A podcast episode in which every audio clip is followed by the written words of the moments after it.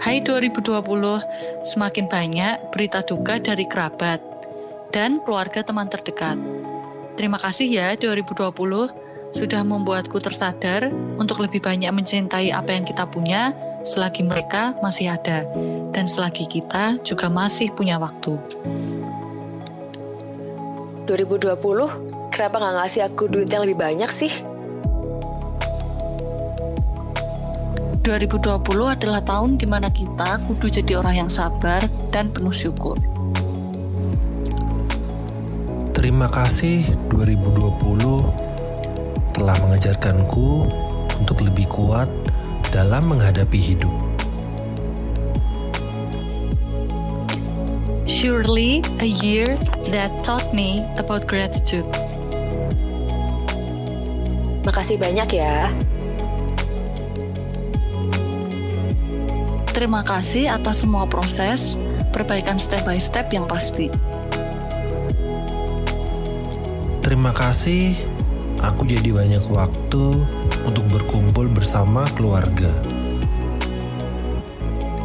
Terima kasih karena sudah menjadi kesempatan untuk aku merefleksikan diri. Kamu adalah tahun yang sangat mendewasakan kamu begitu menyadarkan kami bahwa sebetulnya apakah hidup ini didominasi sama hal-hal pokok dan fundamental atau justru cuma tentang hal-hal konsumtif dan eksistensi aja? Tapi, apa pun yang terjadi di tahunmu itu, kami tetap bisa berjalan meskipun terseok-seok dan bisa menemukan jalan kami masing-masing dan tetap survive. Makasih lo udah sempet bikin ngerasain sedih yang belum pernah dirasain. Sempet merasa kok sedihnya dalam banget. Tapi ternyata nggak sedalam itu asal masih punya pengharapan. 2020 kamu jahat. Terima kasih karena tahun ini sudah menjadi guru yang luar biasa. Boleh misuh nggak sih? Kalau satu kata, jancuk.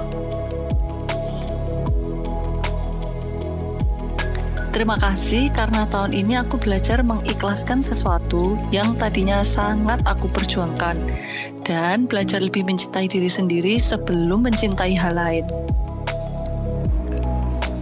Mengucap janji suci dengan pasangan di depan altar di tahun yang penuh gonjang-ganjing. Thanks God.